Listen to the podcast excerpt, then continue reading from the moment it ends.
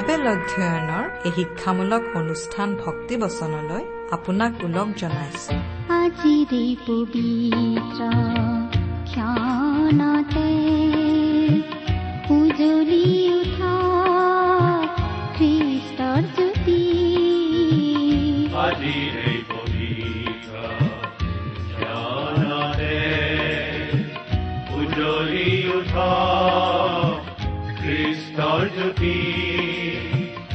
জীৱনৰ ঘাট প্ৰতিঘাতবোৰে আপোনাক ভাৰাক্ৰান্ত কৰিছে নেকি? জীৱনৰ জটিলতাবোৰৰ ভাৰত আপুনি দিশহাৰা হৈছে নেকি? প্ৰিয় শ্ৰোতা তেন্তে আপুনি এই অনুষ্ঠানটি শেষলৈকে মনোযোগেৰে শুনিব।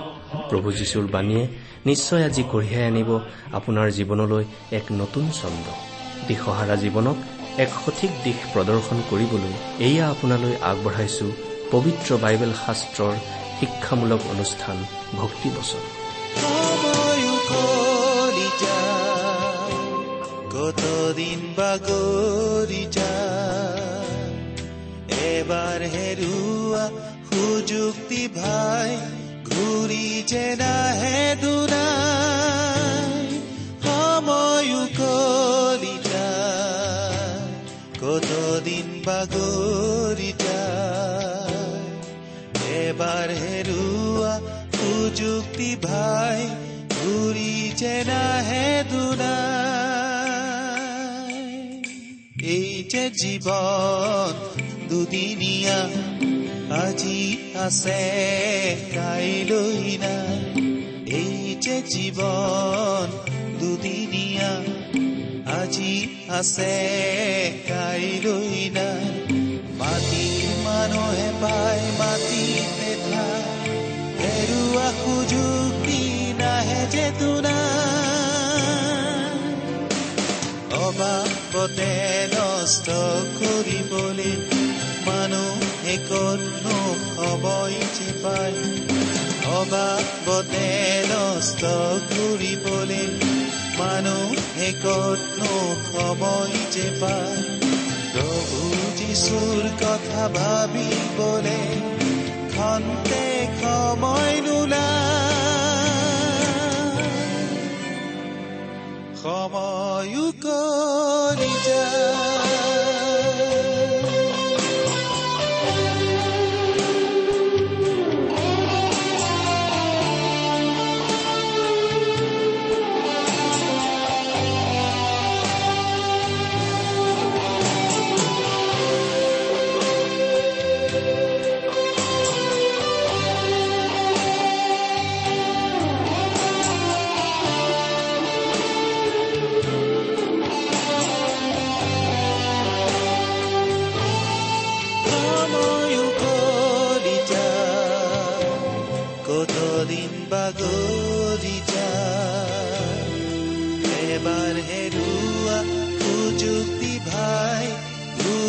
ঘূৰি যে নাহে দুনাই সময়ো কৰি যায় কতদিন বাগৰি যায়।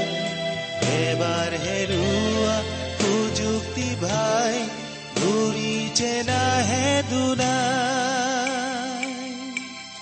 যিচুৰ প্ৰেমৰ আগবানলৈ সঁহাৰি দিয়াৰ সময় যিচুৰ প্ৰেমৰ আগবানলৈ সঁহাৰি দিয়াৰ সময় এবাৰ দুৱাৰ বন্ধ হলে নেমেলিব যিচুৱে দুনাই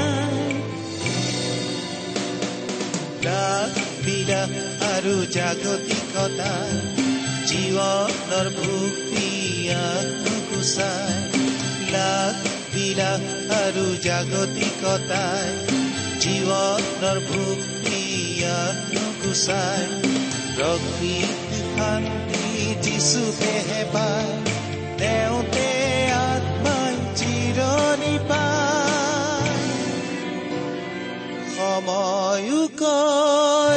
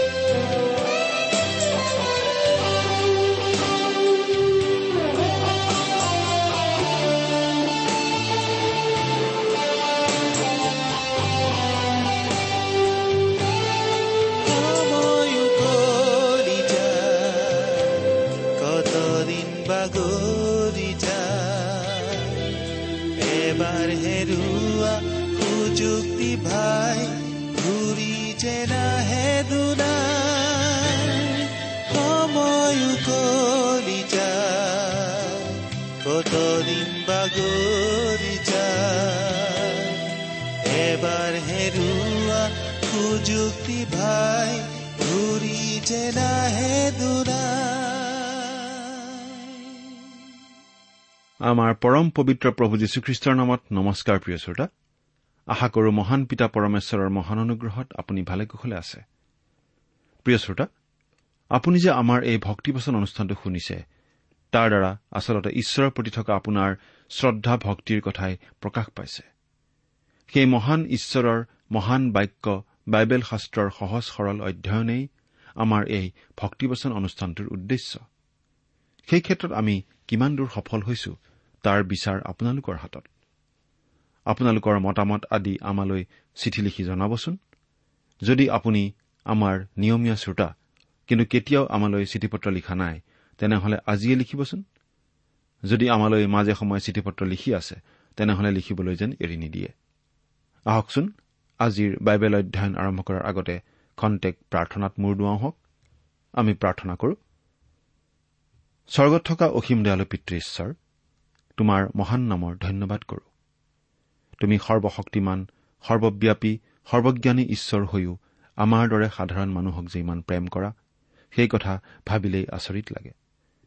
তুমি আমাক ইমানেই প্ৰেম কৰিলা যে আমাক পৰিত্ৰাণ দিবলৈ তুমি তোমাৰ একেজাত পুত্ৰ যীশুখ্ৰীষ্টকেই আমালৈ দান কৰিলা।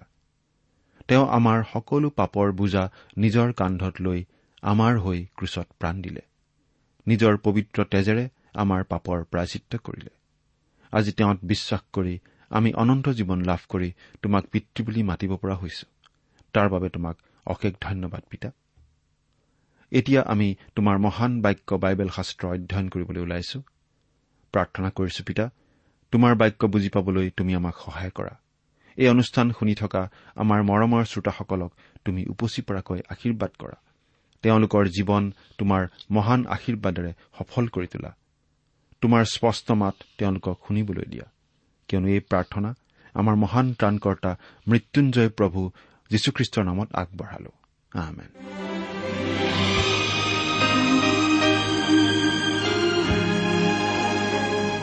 প্ৰিয় শ্ৰোতা আপুনি যদি আমাৰ এই ভক্তিবচন অনুষ্ঠানটো নিয়মিতভাৱে শুনি আছে তেনেহলে আপোনাৰ মনত আছে যে আমাৰ আগৰ অনুষ্ঠানত আমি বাইবেলৰ পুৰণি নিয়ম খণ্ডৰ গীতমালা পুস্তকৰ এশ সাতত্ৰিশ নম্বৰ গীতৰ আলোচনা আগবঢ়াইছিলো। গতিকে আজিৰ অনুষ্ঠানত আমি এশ আঠত্ৰিশ নম্বৰ গীতৰ পৰা আমাৰ আলোচনা আৰম্ভ কৰিব খুজিছো। এই এশ আঠত্ৰিশ নম্বৰ গীতটো ডায়ুদৰ দ্বাৰা ৰচিত গীত। আমি এক নম্বৰ পদটো পাঠ কৰিছো। মোৰ সমস্ত চিত্তেৰে মই তোমাৰ ধন্যবাদ কৰিম। দেৱতাবোৰৰ আগতে মই তোমাৰ প্ৰশংসাৰ গান কৰিম। ইয়াত কোৱা হৈছে মোৰ সমস্ত চিত্তেৰে মই ঈশ্বৰৰ ধন্যবাদ কৰিম। আজিও যিহুদীসকলে ঈশ্বৰৰ ধন্যবাদ কৰা দেখা যায়। আপুনি যদি জিৰচালেমলৈ যায় তেন্তে দেখা পাব যে যিহুদীসকলে আজিও তাৰ অৰ্থাৎ জিৰচালেমৰ দেৱালৰ কাষত থিয় হৈ দেৱালত মূৰ খুন্দিয়াই খুন্দিয়াই ইনাই বিনাই কান্দি কান্দি দুখ কৰে। তেওঁলোকৰ কান্দোনত আপুনিও হয়তো কান্দিবলৈ মন কৰিব। কিন্তু ভালদৰে যদি মন কৰে তেন্তে দেখিবলৈ পাব যে বহুতে মাত্ৰ নিয়ম আৰু পৰম্পৰাৰ খাতিৰতহে এনেকুৱা কৰে। তাত প্ৰকৃত আন্তৰিকতা আৰু সত্যতা হয়তো নাই। কিন্তু ভৱিষ্যতে আহিবলগীয়া মহাক্লেশৰ সংকটৰ পৰা ঈশ্বৰে যেতিয়া তেওঁলোকক উদ্ধাৰ কৰিব তেতিয়া তেওঁলোকে সম্পূৰ্ণ আন্তৰিকতা আৰু সত্যতাৰে ঈশ্বৰৰ প্ৰশংসা কৰিব। তাত নিয়ম আৰু পৰম্পৰা আৰু নাথাকিব। তেতিয়াহে মই সমস্ত চিত্তেৰে ঈশ্বৰক ধন্যবাদ কৰিম বুলি কোৱা এই কথাষাৰ সিদ্ধ হ'ব। প্ৰিয় শ্ৰোতা আজি আমিও নিজকে এবাৰ পৰীক্ষা কৰি চোৱা উচিত। আমিনো কেনেকৈ ঈশ্বৰৰ সেৱা উপাসনা কৰিছো? নিয়ম নীতি আৰু পৰম্পৰাৰ কাৰণে মাত্ৰ মুখেৰে কৰিছো নে আন্তৰিকতাৰে কৰিছো? দেওবাৰে গীৰ্জালৈ গৈ গতানুগতিকভাৱে গীত গান আৰু প্ৰাৰ্থনা কৰি শিক্ষকে কোৱা কথা শুনিছো নে এই সকলোবিলাক আন্তৰিকতাৰে কৰিছো? এই ক্ষেত্ৰত আমি নিজকে এবাৰ পৰীক্ষা কৰি চাওঁ হওক। আৰু যদি আন্তৰিকতাৰে কৰা নাই তেন্তে ঈশ্বৰৰ ওচৰত ক্ষমা বিচাৰি প্ৰাৰ্থনা কৰো হওক। এতিয়া আমি দুই নম্বৰ পদৰ পৰা চাৰি নম্বৰ পদলৈকে পাঠ কৰিছো শুনিবচোন। মই তোমাৰ পবিত্ৰ মন্দিৰলৈ মুখ কৰি প্ৰণিপাত কৰিম। তোমাৰ দয়া আৰু সত্যতাৰ কাৰণে তেওঁৰ নামৰ ধন্যবাদ কৰিম। কিয়নো তোমাৰ সমস্ত নামতকৈও তুমি নিজ বাক্য মহৎ কৰিলা। মই প্ৰাৰ্থনা কৰা কালত তুমি মোক উত্তৰ দিলা। তুমি মোৰ প্ৰাণক শক্তি দি মোক হাঁহিয়াল কৰিলা। হে যি হোৱা পৃথিৱীৰ সকলো ৰজাই তোমাৰ ধন্যবাদ কৰিব। কিয়নো তেওঁবিলাকে তোমাৰ মুখৰ বাক্য শুনিলে। ঈশ্বৰৰ নাম যেনে মহৎ তেওঁৰ বাক্যও তেনে মহৎ। ঈশ্বৰৰ বাক্য যেনে উত্তম তেওঁৰ কৰ্মও তেনে উত্তম। কৰ্মৰ দ্বাৰা আমি যেনেকৈ এজন মানুহৰ পৰিচয় পাব পাৰো তেনেকৈ ঈশ্বৰৰ কৰ্মবিলাকৰ দ্বাৰাও আমি ঈশ্বৰৰ পৰিচয় পাব পাৰো। ঈশ্বৰৰ কথা আৰু কৰ্মৰ অন্তৰালত তেওঁৰ চৰিত্ৰ লুকাই আছে। পাঁচ আৰু ছয় নম্বৰ পদ। এনেকি তেওঁবিলাকে জিহুৱাৰ পথৰ বিষয়ে গান কৰিব কিয়নো জিহুৱাৰ গৌৰৱ মহৎ। কাৰণ যদিও জিহুৱা উন্নত তথাপি তেওঁ নম্ৰ লোকলৈ দৃষ্টি কৰে। কিন্তু তেওঁ অহংকাৰী লোকক দূৰৈৰ পৰা জানে। ঈশ্বৰ যে মহৎ আৰু সৰ্বশক্তিমান হয় তাত কোনো সন্দেহ নাই। কিন্তু তথাপিতো তেওঁ নম্ৰ আৰু সৰু মানুহৰ কাৰণে নিজকে নম্ৰ কৰিব। কাৰণ তেওঁ নম্ৰ মানুহক ভাল পায়। এই বিষয়ে জাকুব চাৰি অধ্যায় ছয় নম্বৰ পদত কোৱা হৈছে ঈশ্বৰ অহংকাৰীবিলাকৰ বিপক্ষ হয় কিন্তু নম্ৰবিলাকক তেওঁ অনুগ্ৰহ দান কৰে। আকৌ প্ৰথম পিতৰ পাঁচ নম্বৰ অধ্যায়ৰ ছয় নম্বৰ পদত কোৱা হৈছে আৰু ঈশ্বৰে উপযুক্ত সময়ত তোমালোকক যেন উন্নত কৰে এইকাৰণে নিজক তেওঁৰ পৰাক্ৰমী হাতৰ অধীন কৰা। ডায়ুদে নিজকে নম্ৰ কৰি ঈশ্বৰৰ হাতত সোধাই দিছিল। সেইকাৰণে ঈশ্বৰে তেওঁক কেনেদৰে অনুগ্ৰহ কৰিছিল সেই বিষয়ে আমি ভালদৰে গম পাইছো। গতিকে আজি আমিও যদি নম্ৰ হওঁ আৰু ঈশ্বৰৰ হাতত নিজকে সোধাই দিওঁ তেন্তে তেওঁ আমাকো প্ৰচুৰ পৰিমাণে অনুগ্ৰহ কৰিব। এই বিষয়ে ঈশ্বৰে প্ৰতিশ্ৰুতি দি জীচয়া পুস্তকৰ সাতাৱন্ন নম্বৰ অধ্যায়ৰ পোন্ধৰ নম্বৰ পদত এইদৰে কৈছে কিয়নো অনন্তকাল নিবাসী যাৰ নাম পবিত্ৰ সেই ঊৰ্ধবাসী আৰু উন্নত ঈশ্বৰে এইদৰে কৈছে মই ঊৰ্ধলোকত আৰু পবিত্ৰ স্থানত বাস কৰো। আৰু নম্ৰ মনৰ লোকবিলাকক সচেতন কৰিবলৈ ভগ্নচিত্ৰিয়াবিলাকৰ হৃদয় সতেজ কৰিবলৈ মই সেই ভগ্নচিত্ৰীয়া আৰু নম্ৰ লোকৰ লগতো বাস কৰো। আকৌ প্ৰথম পিতৰ তিনি অধ্যায় চাৰি পদ আৰু পাঁচ অধ্যায় পাঁচ পদত এইদৰে কৈছে কিন্তু নম্ৰ আৰু শান্ত আত্মাৰূপ অক্ষয় বস্ত্ৰ পিন্ধা যি গুপ্ত আন্তৰিক মানুহ সিয়েই তোমালোকৰ ভূষণ হওক। এনে আত্মাহে ঈশ্বৰৰ দৃষ্টিত বহুমূলীয়া। সকলোৱেই পৰস্পৰৰ হিতৰ কাৰণে নম্ৰতাৰূপ আত্মাৰে কঁকাল বান্ধা। কিয়নো ঈশ্বৰে অহংকাৰীবিলাকক প্ৰতিৰোধ কৰে কিন্তু নম্ৰবিলাকক অনুগ্ৰহ দান কৰে। প্ৰিয় শ্ৰোতা বাইবেল শাস্ত্ৰৰ এই বচনবিলাকৰ দ্বাৰাই ঈশ্বৰে আমাক জানিবলৈ দিছে যে নম্ৰ লোকক কিমান প্ৰেম আৰু অনুগ্ৰহ তেওঁ কৰে। সাত আৰু আঠ নম্বৰ পদ যদিও মই সংকটৰ মাজেদি গমন কৰো তথাপি তুমি মোক জীয়াই ৰাখিবা। তুমি মোৰ শত্ৰুবোৰৰ ক্ৰোধৰ অহিতে তোমাৰ হাত মেলিবা আৰু তোমাৰ সোঁহাতে মোক পৰিত্ৰাণ কৰিব। জিহুৱাই মোৰ পক্ষে সকলোকে সিদ্ধ কৰিব। হে জিহুৱা তোমাৰ দয়া চিৰকাললৈকে থাকে। তোমাৰ হাতৰ কৰ্মক ত্যাগ নকৰিবা। অৱশ্যে আমি নিজে নিজেই নম্ৰ হ'ব নোৱাৰো কাৰণ গৰ্ব আৰু অহংকাৰ আমাৰ আছে।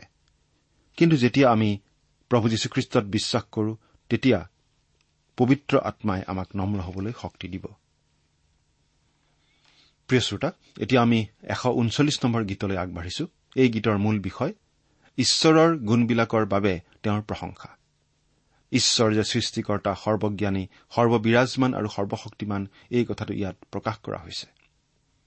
এক নম্বৰ পদ হে জিহুৱা তুমি মোৰ বুজ বিচাৰ লৈ মোক জানিলা। এই পদটোৰ যোগেদি ঈশ্বৰৰ মহৎ জ্ঞানৰ বিষয়ে কোৱা হৈছে। তেওঁ ইমান জ্ঞানী যে তেওঁ আপোনাক জানে আৰু মোকো জানে। সেইকাৰণে আমাৰ যদি কিবা সমস্যা থাকে তেন্তে তাক সমাধান কৰিবৰ বাবে ঈশ্বৰৰ ওচৰত নিবেদন কৰিব আমি পাৰো। তেওঁ আমাৰ নিবেদন শুনিব আৰু সহায় কৰিব। দুই তিনি আৰু চাৰি নম্বৰ পদ। তুমি মোৰ বহা আৰু উঠাকো জানিছা দূৰৈৰ পৰা মোৰ চিটটো বুজিছা। তুমি মোৰ চলন আৰু শয়ন বিচাৰ কৰিছা আৰু মোৰ সকলো পথ চিনি পাইছা। কিয়নো চোৱা হে যি হোৱা তুমি যি কথা সম্পূৰ্ণকৈ নাজানা এনে কোনো কথা মোৰ জীৱাত নাই। ইয়াত কোৱা হৈছে যে আমি পোহৰত বা এন্ধাৰত কৰা দেখাকৈ বা লুকাই কৰা সকলো কৰ্ম ঈশ্বৰে দেখি আছে আৰু আমাৰ মনৰ ভিতৰৰ কল্পনা আৰু আঁচনিও তেওঁ জানে। পাঁচ আৰু ছয় নম্বৰ পদ। আগত পাছত তুমি মোক ভেটি ধৰিছা আৰু মোৰ ওপৰত তোমাৰ হাত দিছা। এনে জ্ঞান মোৰ বোধৰ অগম্য। সেয়ে উচ্চ মই তাক ঢুকি পাব নোৱাৰো। এই কথা সঁচা যে ঈশ্বৰৰ জ্ঞান আমাৰ বোধৰ অগম্য। তেওঁ সকলো কথা জানে কিন্তু কেনেকৈ জানে তাক হলে আমি নাজানো। তেওঁৰ সেই অসীম জ্ঞানৰ কাৰণে আমি ভয় খোৱাৰ পৰিৱৰ্তে আনন্দ কৰিব লাগে কাৰণ আমাৰ গুপুত পাপবোৰ তেওঁ জানে আৰু সেইকাৰণে তেওঁ আমাক অনুগ্ৰহ কৰিলে যাতে তেওঁ সেই পাপবোৰ ক্ষমা কৰিব পাৰে। এইটো বাৰু আচৰিত কথা নহয়নে? আন মানুহে যদি আমাক আঘাত দিয়ে বা বিশ্বাসঘাতকতা কৰে তেন্তে সেইজন মানুহক আমি বেয়া পাওঁ। তেওঁৰ লগত সম্পৰ্ক নাৰাখো। কিন্তু আমি মানুহবিলাকেনো কেনেকুৱা? আমি নিজে হলে ঈশ্বৰক আঘাত দিয়েই থাকো বিশ্বাসঘাতকতা কৰিয়েই থাকো। এই সকলো ঈশ্বৰে জানি আছে দেখি আছে। তথাপিতো তেওঁ আমাক দয়া কৰিবলৈ এৰা নাই। কাৰণ তেওঁৰ দয়া অবিহনে আমি যে এক মিনিটো বৰ্তি থাকিব নোৱাৰো সেই কথা আমি আটাইয়ে জানো। প্ৰভু যীশুৰ কথাকেই চাওকচোন? ঈশ্বৰীতীয়া যীশুদাই যে তেওঁক ঠগিব আৰু পিতৰে যে তেওঁক অস্বীকাৰ কৰিব সেই কথা তেওঁ জানিছিল। তথাপিতো মৃত্যুৰ সময়ত তেওঁ তেওঁলোকক অভিশাপ দিয়া নাছিল বৰং ভুল কৰা মানুহক ক্ষমাদান কৰিবলৈ নিবেদন কৰিছিল। তেওঁ ক্ষমা কৰিবলৈ নোকোৱা হলে আমাৰ যে কি অৱস্থা হলহেঁতেন এই সকলো তেওঁ জানে কাৰণে দয়া কৰিছে। সাত আৰু আঠ নম্বৰ পদ। মই তোমাৰ আগৰ পৰা কলৈ পলাম? আৰু তোমাৰ সন্মুখৰ পৰা বা কলৈ পলাম? যদি স্বৰ্গলৈ উঠো তাতো তুমি থাকা। যদি চিউলত মোৰ শয্যা পাৰো চোৱা তাতো তুমি। ইয়াত কোৱা হৈছে যে ঈশ্বৰৰ পৰা আমি কতো লুকাব নোৱাৰো। আনকি নৰকতো যদি আমি থাকো তাতো ঈশ্বৰে আমাক পাব। ন নম্বৰ পদৰ পৰা বাৰ নম্বৰ পদ পঢ়িম। যদি মই অৰুণৰ ডেউকা ধৰি সমুদ্ৰৰ সীমাত বসতি কৰো তাতো তোমাৰ হাতে মোক চলাব আৰু তোমাৰ সোঁহাতে মোক ধৰি ৰাখিব। যদি মই কওঁ অৱশ্যে আন্ধাৰে মোক ঢাকিব আৰু ৰাতি মোৰ চাৰিওফালে পোহৰ হ'ব তেতিয়াও সেই আন্ধাৰে তোমাৰ পৰা মোক নুলুকুৱাব। কিন্তু ৰাতিয়েও দিনৰ নিচিনাকৈ পোহৰ দিব। তোমাৰ আগত আন্ধাৰ আৰু পোহৰ দুয়ো সমান। মুঠতে আমি ঈশ্বৰৰ পৰা কলৈকো পলাই সাৰিব নোৱাৰো কাৰণ ঈশ্বৰ সকলোতে বিৰাজমান। তেৰ আৰু চৈধ্য নম্বৰ পদ। কিয়নো তুমিয়েই মোৰ অন্তঃকৰণ সৃষ্টি কৰিলা। তুমি মোক মাতৃৰ গৰ্ভতে গঠন কৰিলা। মই তোমাৰ ধন্যবাদ কৰিম। কিয়নো মই ভয়ানক আৰু অদ্ভুত ৰূপে নিৰ্মিত হলো। তোমাৰ কাৰ্যবোৰ আচৰিত আৰু তাক মোৰ মনে ভালকৈ জানে। প্ৰিয় শ্ৰোতা ঈশ্বৰে আমাক সৃষ্টি কৰিছে গতিকে আমাৰ গঠন তেওঁ ভালদৰে জানে। তেওঁ আমাক হাড়ে হিমজুৱে চিনি পায়। পোন্ধৰ আৰু ষোল্ল নম্বৰ পদ। যেতিয়া মই গুপুতে নিৰ্মিত হৈছিলো যেতিয়া মই পৃথিৱীৰ অধস্থ ভাগত চমৎকাৰ ৰূপে গঠিত হৈছিলো তেতিয়াও মোৰ সংলগ্ন অস্থিবোৰ তোমাৰ আগত লুকুওৱা নাছিল। তোমাৰ চকুৱে প্ৰথমে উৎপন্ন হোৱা মোৰ আকাৰ দেখিলে আৰু মোৰ সকলোৱে তোমাৰ বহীত লিখা আছিল। যি কালত সেইবোৰৰ এটিও নাছিল সেই কালত মোৰ সকলো দিন নিৰূপিত হৈছিল।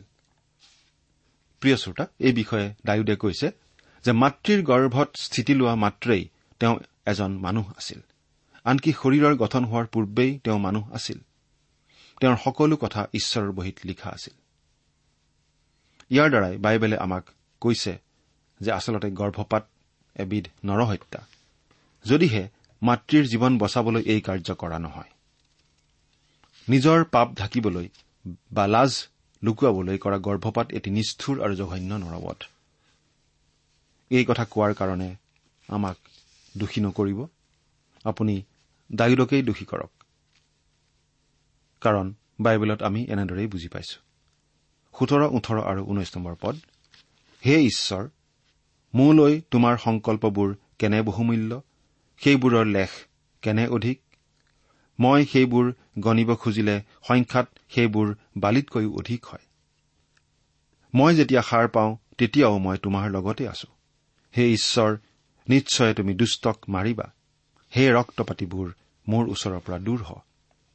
প্ৰিয় শ্ৰোতা ঈশ্বৰে আমাক ভাল পায় আৰু আমাক ভালপোৱা ঈশ্বৰজনেই সৰ্বশক্তিমান সৰ্বজ্ঞানী আৰু সৰ্ববিৰাজমান।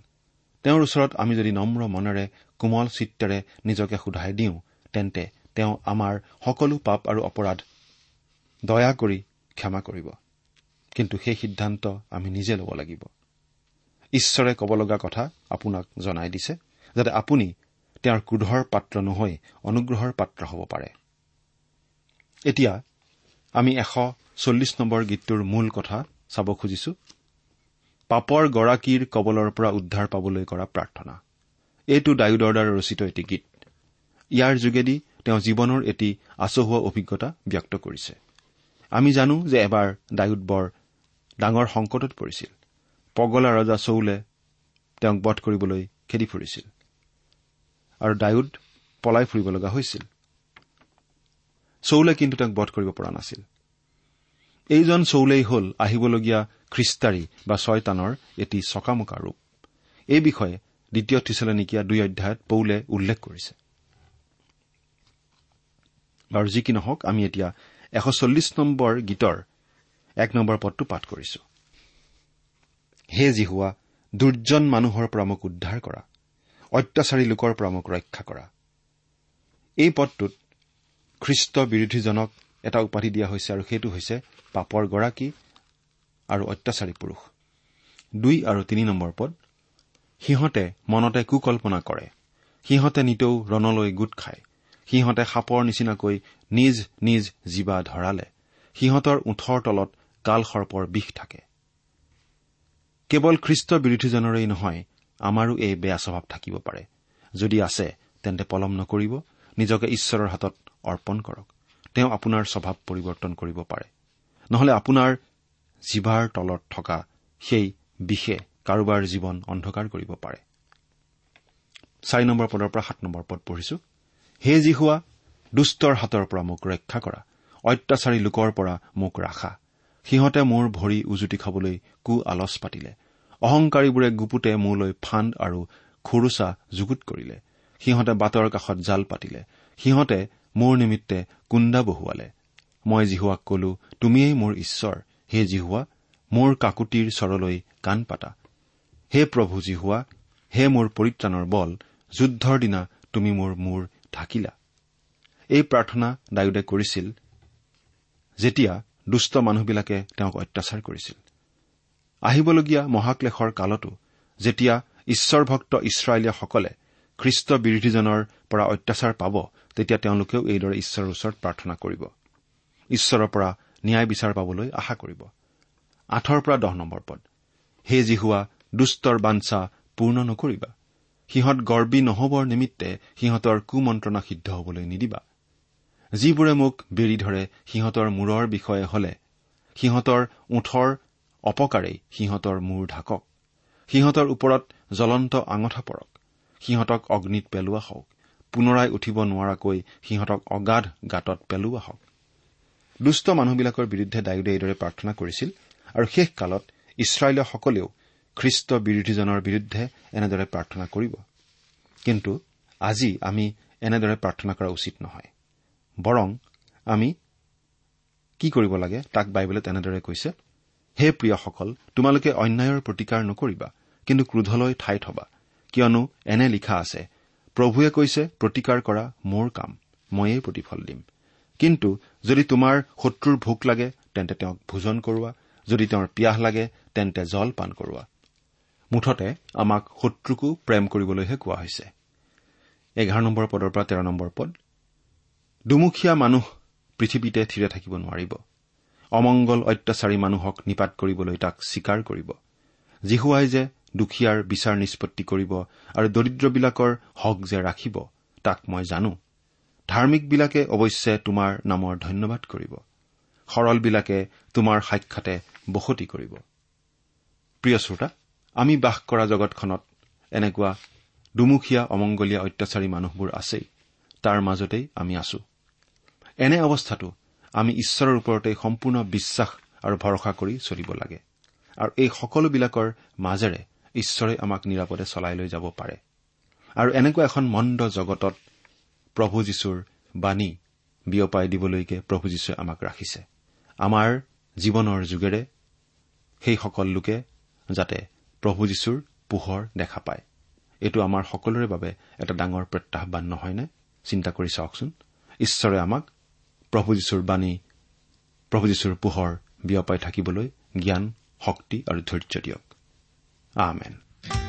প্ৰিয় শ্ৰোতা ইমান পৰে আপুনি বাইবেল শাস্ত্ৰৰ পৰা ঈশ্বৰৰ বাক্য শুনিলে। এই বিষয়ে আপোনাৰ মতামত জানিবলৈ পালে আমি নথৈ আনন্দিত হ'ম। আমি প্ৰস্তুত কৰা বাইবেল অধ্যয়নৰ চিডিসমূহ পাব বিচাৰিলে আৰু অনুষ্ঠানত প্ৰচাৰ কৰা কোনো কথা বুজিব লগা থাকিলেও আমালৈ লিখক।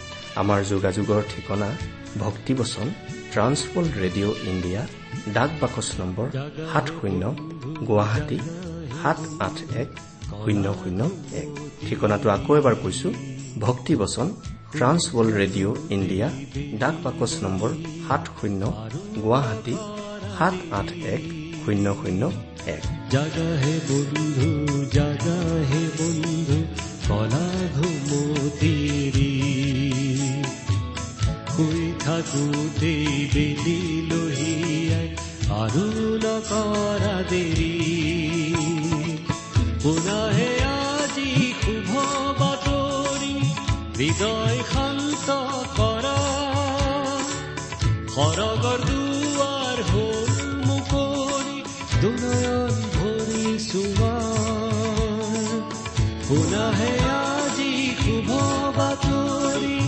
আমাৰ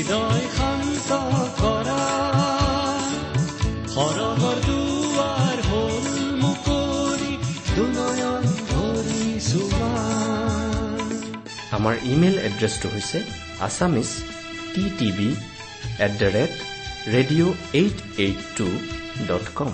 আমাৰ website W W W dot T W R dot in. আপুনি টেলিফোনৰ মাধ্যমেৰেও আমাক যোগাযোগ কৰিব পাৰে। আমাৰ টেলিফোন নম্বৰটো হৈছে nine eight five four zero' four zero' eight eight nine. Phone নম্বৰটো আকৌ এবাৰ কৈছো ন আঠ পাঁচ চাৰি শূন্য চাৰি শূন্য আঠ আঠ ন।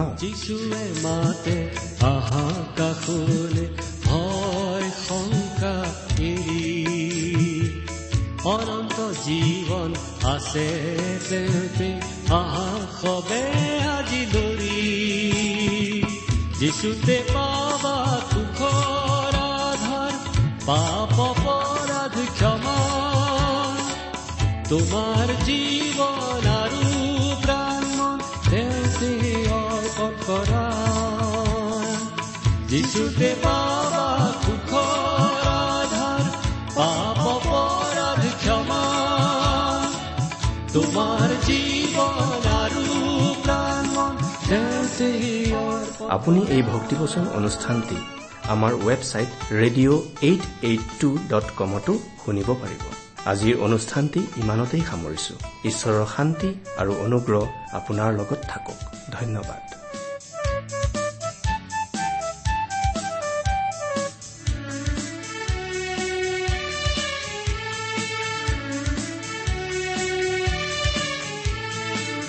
যিচুৱে মাতে আহা কাষৰে ভয় শংকা এৰি অনন্ত জীৱন আছে তেওঁতে আহা সবে আজি ধৰি যিচুৱে মাতে আহা কাষৰে ভয় শংকা এৰি অনন্ত জীৱন আছে তেওঁতে